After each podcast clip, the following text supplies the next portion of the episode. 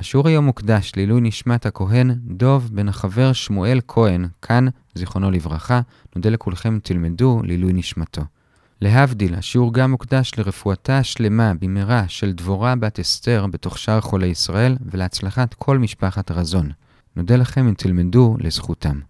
שלום לכולם, כאן אורי בריליאנט מאתר sny.org.il ואנחנו לומדים את דף כ"ט במסכת תענית. נתחיל בשורה השנייה בעמוד א' ונסיים בשורה השמינית בדף הבא. השיעור היום יהיה 16 דקות. היום נחלק את השיעור לשלושה חלקים. בחלק הראשון נעסוק בחמשת הדברים שקרו בתשעה באב.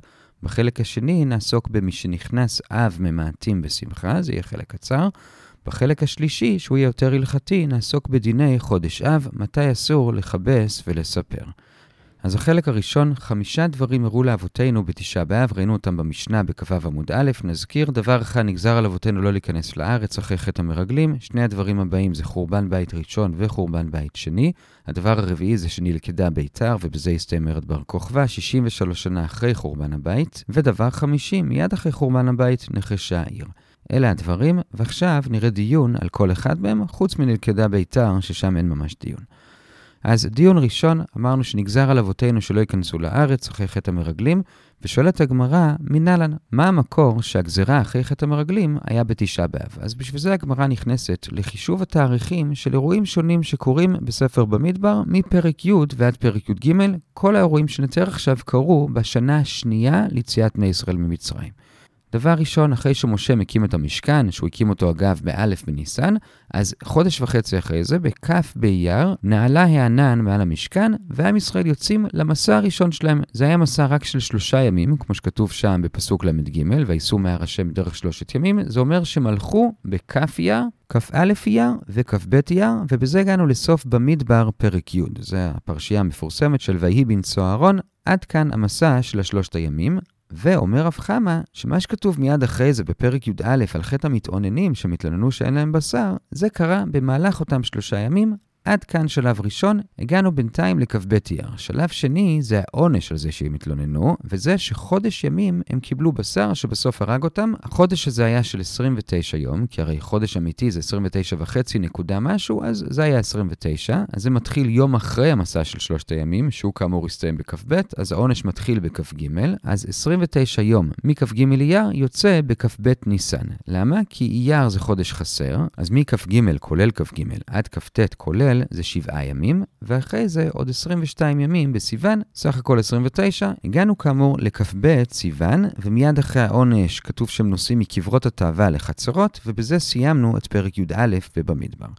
שלב שלישי זה תחילת פרק י"ב, שם מרים מדברת לשון הרע על משה, ואז כתוב, ותיסגר מרים מחוץ למחנה שבעת ימים. אז בהנחה שזה קרה מיד אחרי זה, אז את העונש סיימו בכ"ב, אז את שבעת הימים של מרים מתחילים בכ"ג. אז מכ"ג כולל עד כ"ט כולל, זה שבעה ימים, הגענו לכ"ט סיוון, ואז כתוב שנסעו מחצרות לפרן, וסיימנו את פרק י"ב, וזה היה השלב השלישי. השלב הרביעי זה תחילת פרק י"ג, מיד אחרי מרים כתוב שלח לך אנשים, והגמרא מבינה שזה קרה ביום השביעי של ההסגר של מרים, לא יום אחרי זה, כלומר זה קרה בכ"ט סיוון עצמו, אז אם נספור 40 יום שהמרגלים הלכו, מכ"ט סיוון 40 יום עד שהם חזרו, יוצא שהם חזרו בח' באב. למה? כי יש לנו יומיים של סיוון, כ"ט ול', כי סיוון זה חודש מלא, אחרי זה יש לנו עוד 30 יום של תמוז, שלמרות שהוא בדרך כלל חודש חסר, באותה שנה הוא היה מלא, זה כבר 32 ימים, ועוד 8 ימים בחודש. בחודש אב, הגענו לח' באב. זה היום שהמרגלים חזרו, והם תיארו לעם ישראל את המצב הקשה לדבריהם בארץ ישראל, ובלילה, כשכבר נכנס ט' באב, עם ישראל בוכה, ואז בתשעה באב הייתה הגזרה על עם ישראל לא להיכנס לארץ. זה החישוב לפיו הגזרה הייתה בח' באב. באתר ובחוברת עשינו מין לוח שנה שבו רואים את זה בעיניים, כדאי להסתכל שם. בואו נעשה את זה עוד פעם אחת בקצרה. התחלנו את המסע בכ' באייר, מסע של שלושה ימים, ותוך כדי השלושה ימים זה המתאוננים. אחרי זה כ"ג אייר, יש ירידה של בשר ל-29 יום, שזה נגמר בכ"ב סיוון. אחרי זה שבעה ימי הסגר של מרים, שזה נגמר בכ"ט סיוון, ואז עוד באותו יום יוצאים המרגלים ל-40 יום וחוזרים בח' באב, ואז בט' באב הייתה הגזרה. עד כאן לגבי הדבר הראשון שקרה בתשעה באב, הגזרה שלא להיכנס לארץ. שוב, זה טיפה מסובך, מספרים ותאריכים, כדאי להסתכל באתר. מכאן הכל יהיה הרבה יותר פשוט.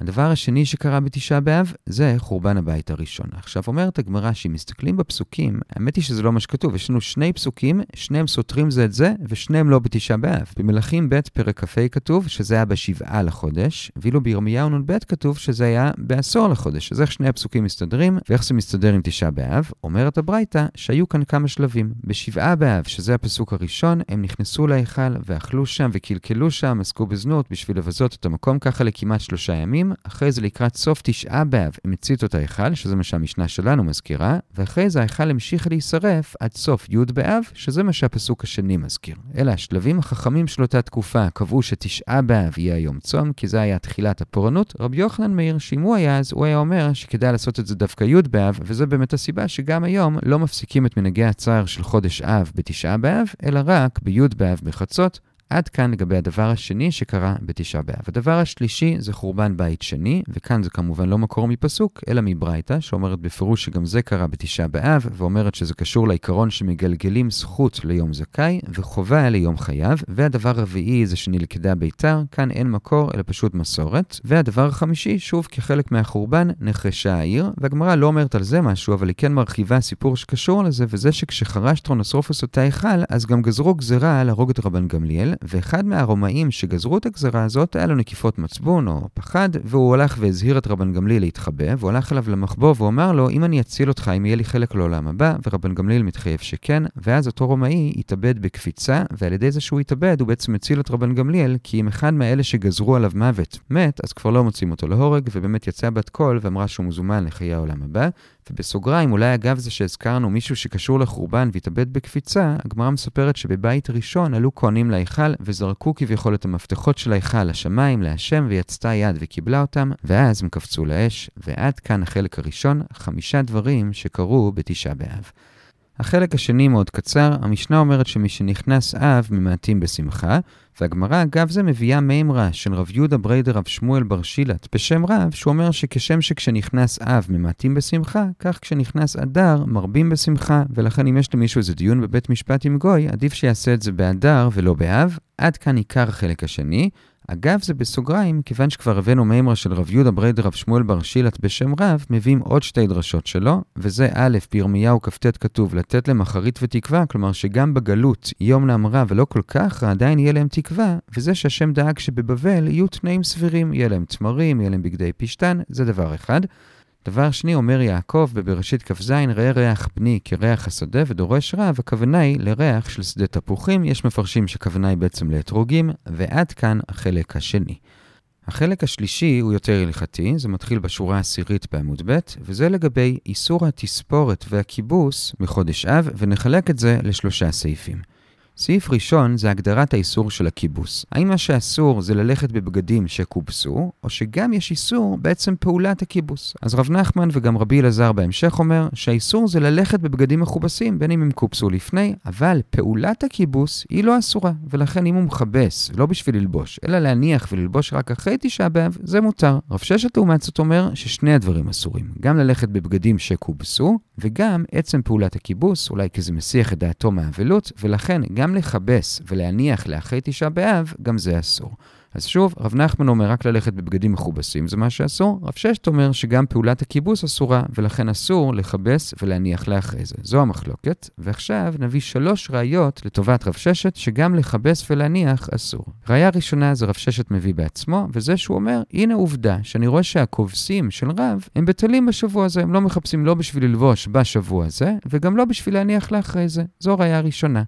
הראייה השנייה זה של רב אמנונה, וזה מהמשנה שלנו. המשנה אמרה שאומנם אסור לכבס בשבוע של תשעה באב, אבל ביום חמישי מותר לכבוד שבת. והסברנו כבר בדף כ"ו, שהמצב שבו זה קורה, זה אם תשעה באב יוצא ביום שישי, שאז יום לפני זה, יום חמישי, מותר לכבס בשביל שבת של עוד יומיים, יום אחרי תשעה באב. עכשיו אומר רב אמנונה, הרי אם נאמר כמו רב נחמן, שבכל מקרה מותר לכבס בשביל להניח לאחרי זה, אז למה רק ביום חמישי מותר? מותר גם כל יום אחר בשבוע, אני אכבס ביום שלישי, ואני פשוט לא אלבש את זה ונלבש את זה בשבת. הרי רב נחמן אמר שזה מותר, אלא ברור מהמשנה שבשאר השבוע אסור לכבס ולהניח, ורק בחמישי מותר לכבוד שבת. אז זו עוד ראייה לטובת רב ששת, אבל דוחה הגמרא זה לא ראייה. יכול להיות באמת כמו רב נחמן, שגם ביום שלישי למשל מותר לכבס ולשים את זה בארון עד שבת, אבל לא על זה המשנה דיברה. המשנה דיברה על מישהו שיש לו רק חלוק אחד, והוא רוצה גם לכבס לכבוד שבת, אבל גם ללבוש את זה כבר באותו יום, כי אין לו משהו אחר. ועל זה אמרה המשנה שביום ראשון, שני, שלישי, רביעי זה אסור, כי זה לא ממש לכבוד שבת, אבל בחמישי זה מותר. הוא יכול לכבס את זה לכבוד שבת וללבוש את זה כבר אז, ביום חמישי.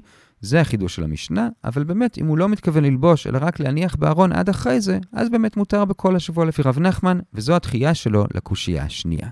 הקושייה השלישית זה פשוט מברייתא מפורשת, מי טבעי, אסור לכבס ולהניח, ולזה אין לרב נחמן תשובה, ואומרת הגמרא, טיובתא, ואנחנו בעצם פוסקים כמו רב ששת, שאסור גם ללכת בבגדים מכובסים, וגם לכבס ולהניח. ועד כאן עיקר הסעיף הראשון, ראינו מחלוקת רב נחמן ורב ששת, וראינו ראיות לטובת רב ששת, שאסור לכבס ולהניח. בסוגריים נוסיף כאן עוד שתי הערות מהברייתא שהרגע ראינו. דבר אחד, היא אומרת שבבבל, הכביסה שלהם הייתה לא כל כך טובה, ולכן היא מותרת. מה שאסור בבבל זה גיהוץ. יש מחלוקת בראשונים מה הכוונה גיהוץ. בכל אופן, הגיהוץ שלהם היה מנקה את הבגד יותר מכביסה, וזה אסור גם בבבל. בקיצור, גיהוץ בבבל הוא כמו כביסה בארץ ישראל, זאת הערה אחת. הערה שנייה זה משהו שהברייתא אמרה לגבי בגדי פשתן, אבל את זה נשמור כבר לסעיף השני. הסעיף השני זה באמצע עמוד ב', וזה כאמור לגבי בגדי פשתן. וזה שהברייתא שהרגע ראינו אמרה שבבגדי פשתן אין משום גיוץ, שזה כאמור הכביסה הטובה בבבל, אין איסור כביסה בבגדי פשתן. זה בברייתא, אבל ברבי יוחנן ומצמצם את זה. והוא אומר, אמרנו מקודם בסעיף הקודם, שיש לפי רב ששת ולפי הברייתא הזאת שני איסורים. גם ללכת בבגדים מכובסים, וגם עצם פעולת הכיבוס. אז אומר רבי יוחנן, מה שהברייתא אמרה שאין איסור בבגדי פשתן, הכוונה היא רק לעצם פעולת הכיבוס, או הגיהוץ בבבל. אבל ללכת בבגדים מכובסים, או מגועצים בבבל, זה אסור גם בבגדי פשתן. ועד כאן הסעיף השני. שוב פעם, בגדי פשתן מותר לכבס אותם, אבל אסור ללכת בהם מכובסים. זה הסעיף השני. הסעיף השלישי זה מתי מתחיל ומסתיים האיסור. אז במשנה כתוב שהאיסור הוא בשבת שחל תשעה באב להיות בתוכה, כלומר בשבוע של תשעה באב, וברור לגמרא שזה מתחיל מתחילת השבוע, אבל יש מחלוקת אמוראים מתי זה מסתיים. רב אומר שזה מסתיים בתשעה באב עצמו, אחרי תשעה באב כבר מותר, שמואל אומר שזה שבוע שלם, גם אחרי תשעה באב. זו המחלוקת, ועכשיו במילה מי טבעי, הגמרא מקשה על שמואל מברייתא מפורשת, שאומרת ממש בפירוש שהאיסור הוא עד תשעה באב, ושאחרי זה מותר. זה ברייתא קצת ארוכה, כי היא נכנסת לעוד כמה דברים שנזכיר בהמשך בסוגריים. בכל אופן, קושייה מפורשת נגד שמואל. מה עושים? עונה הגמרא, באמת הברייתא הזו היא נגד שמואל, אבל יש גם תנאים שהם כמו שמואל, כלומר, זה מחלוקת תנאים. איפה רואים את זה? בברייתא נוספת, ששם יש שלוש דעות, רבי מאיר, רבי יהודה ורשב"ג. רבי מאיר אומר שזה באמת רק התשעה באב, לכאורה כמו המשנה וכמו רב. לעומת זאת, גם רבי יהודה וגם רשב"ג אומרים שזה נמשך גם אחרי תשעה באב. עד מתי? רבי יהודה אומר כל החודש, רשב"ג אומר כל השבוע, כלומר כמו שמואל. עכשיו רק נשים לב, רשב"ג הוא באמת כמו שמואל, אבל רבי מאיר שם הוא לא כמו רב, כי הרי רב מתייחס למשנה, והמשנה אומרת שזה מתחיל בתחילת השבוע, ורב אומר זה נגמר בתשעה באב. לעומת זאת רבי מאיר שם, שאומר שזה נגמר בתשעה באב, הוא לא אומר שזה מתחיל בתחילת השבוע, אלא הוא אומר שזה מתחיל בתחילת החודש. ואותו דבר רבי יהודה שם, שאומר שזה נגמר בסוף החודש, גם הוא אומר שזה מתחיל בתחילת החודש. כלומר, בעצם לסיכום, יש לנו ארבע דעות. דעה ראשונה, הכי מקלה, זה המשנה שלנו לפי רב, שאומרת שזה מתחיל בתחילת השבוע שחל בו תשעה באב, ונגמר בתשעה תשעה באב, וזהו. זו דעה ראשונה. הדעה השנייה בחומרה זה דעת שמואל במשנה ודעת רשב"ג בברייתא, שזה כל השבוע, גם אחרי תשעה באב. הדעה השלישית בחומרה זה רבי מאיר, שזה מתחיל מראש חודש ומסתיים בתשעה באב, כלומר תשעה ימים. והדעה הרביעית בחומרה זה רבי יהודה, שהוא אומר שזה כל החודש. ומה ההלכה? אומר רבא, כמו הדעה הכי מקלה, כלומר מראש חודש ועד תשעה באב. עכשיו, איך הוא אומר את זה? הוא יכל לומר שהוא פשוט פוסק כמו המשנה שלנו לפי רב, שזה מתחילת החודש ועד תשעה באב, אבל זה לא איך שהוא אמר את זה, אלא הוא אמר שהוא פוסק כמו הקולה של רשב"ג וכמו הקולה של רבי מאיר. כלומר, כמו הקולה של רשב"ג, שזה רק מתחילת השבוע ולא מתחילת החודש, וכמו הקולה של רבי מאיר, שזה רק עד תשעה באב ולא עד סוף השבוע. זו הלכה. ועוד סוגריים, אם כבר הבאנו את שלושת הדעות האלו באותה ברייתא שנייה, מה המקור שלהם? אומר רבי יוחנן, המקור זה מהפסוק, והשבתי כל משושה, חגה, חודשה ושבתה. רבי מאיר שאומר שזה מתחיל מראש חודש, הוא לומד את זה מהמילה חגה, שראש חודש זה סוג של חג. רבי יהודה שאומר שזה כל החודש, הוא לומד את זה מהמילה חודשה. ורשב"ג שאומר שזה כל השבוע, הוא לומד את זה מהמילה ושבתה. עד כאן עיקר הסעיף השלישי. ראינו ארבע דעות מתי זה מתחיל ומתי זה נגמר. התחלנו את הדעות מתוך המשנה שלנו, שהיה ברור לנו שזה מתחיל בראש חודש, ורק שאלנו מתי זה נגמר, אבל אחרי זה ראינו ברייתא עם עוד שלוש דעות, ועד כאן כאמור עיקר הסעיף השלישי.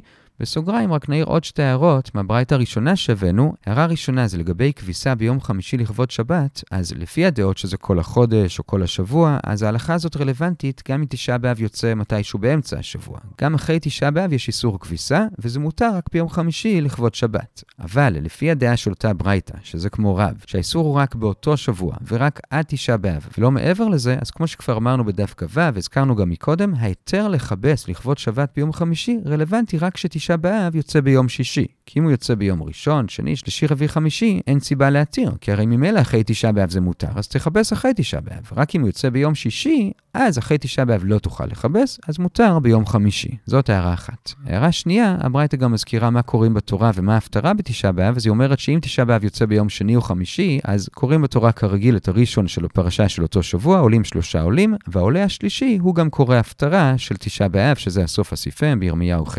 לעומת זאת, אם תשעה באב יוצא בשאר הימים, אז מוצאים במיוחד ספר תורה לצורך תשעה באב, וקוראים בדברים פרק ד' את פרשיית כי תוליד בנים. תנא קמא אומר שקורא אחד, הוא קורא את הכל, רבי יוסי אומר שעולים שלושה אנשים, ואחרי זה אותו קורא אחד, או השלישי, קורא את ההפטרה שהזכרנו. עד כאן ההערה השנייה. ועד כאן החלק השלישי של השיעור לגבי איסור כביסה בתשעה באב. ראינו סעיף אחד, מה אסור, האם רק ללכת בבגדים מכובסים או גם לכבס, ואמרנו שגם לכבס. סעיף שני ראינו כולה בבגדי פשטן, שלכבס מותר ורק ללכת במכובסים אסור. וסעיף רביעי ראינו ארבע שיטות מתי מתחיל ונגמר האיסור. ובזה הגענו לשורה השמינית בדף הבא, נעצור כאן ונחזור על מה שראינו. חילקנו את השיעור לשלושה חלקים. בחלק הראשון ראינו את חמשת הדברים שקרו בתשעה באב. אחד זה שנגזר על אבותינו לא להיכנס לארץ, וראינו את החישוב איך הגענו לזה. השני זה שחרב הבית בתשעה באב, אבל אמרנו שבעצם כבר בשבעה בחודש הם נכנסו להיכל. בתשעה בחודש התחילו לשרוף אותו, ורק בעשירי הוא נשרף לגמרי, ולכן בפסוקים מזכירים את השבעה ואת העשירי. הדבר השלישי שקרה זה שחרב הבית במקדש שני, יש ברייתא שאומרת את זה. הדבר הרביעי זה שנלכדה ביתר, והדבר החמישי זה שנחשה העיר, והגמרא הוסיפה שרצו להרוג את רבן גמליאל, רומאי אחד הציל אותו בזה שהוא התאבד, זה היה החלק הראשון. בחלק השני ראינו שמי שנכנס אב מעטים בשמחה, ורב יהודה בריידר רב שמואל בר שילת בשם רב העיר, שמי שנכנס אדר מרבים בשמחה, ואגב זה הביאו עוד שתי דרשות שלו. ובחלק השלישי דיברנו על איסור התספורת ובעיקר הכביסה. בחודש אב ראינו שלושה סעיפים. סעיף אחד זה, זה מה אסור, רב נחמן אמר ללבוש בגד מכובס, אבל לכבס מותר. רב ששת אמר אסור גם לכבס וגם ללבוש, והבאנו שלוש ראיות לטובת רב ששת. בסעיף השני ראינו שבבגדי פשטן יש כולה שלכבס מותר ורק ללבוש אותם מכובסים אסור. ובסעיף השלישי ראינו ארבע דעות מתי מתחיל ומסתיים האיסור. הדעה המקלה, וכך רב הפסק, זה של רב, שזה מתחיל בשבוע שחל בו, ביום ראשון, ומסתיים בתשעה באב. הדעה השנייה בחומרה זה דעת שמואל במשנה ודעת רשב"ג בברייתא, שזה כל השבוע, גם אחרי תשעה באב. הדעה השלישית בחומרה זה רבי מאיר, שזה מתחיל מראש חודש ומסתיים בתשעה באב, כלומר תשעה ימים. והדעה הרביעית בחומרה זה רבי יהודה, שזה כל החודש. ראינו גם פסוק שממנו הם דרשו את הדעות שלהם, והשבתי כל משושה, חגה, חודשה ושבתה. כל טוב.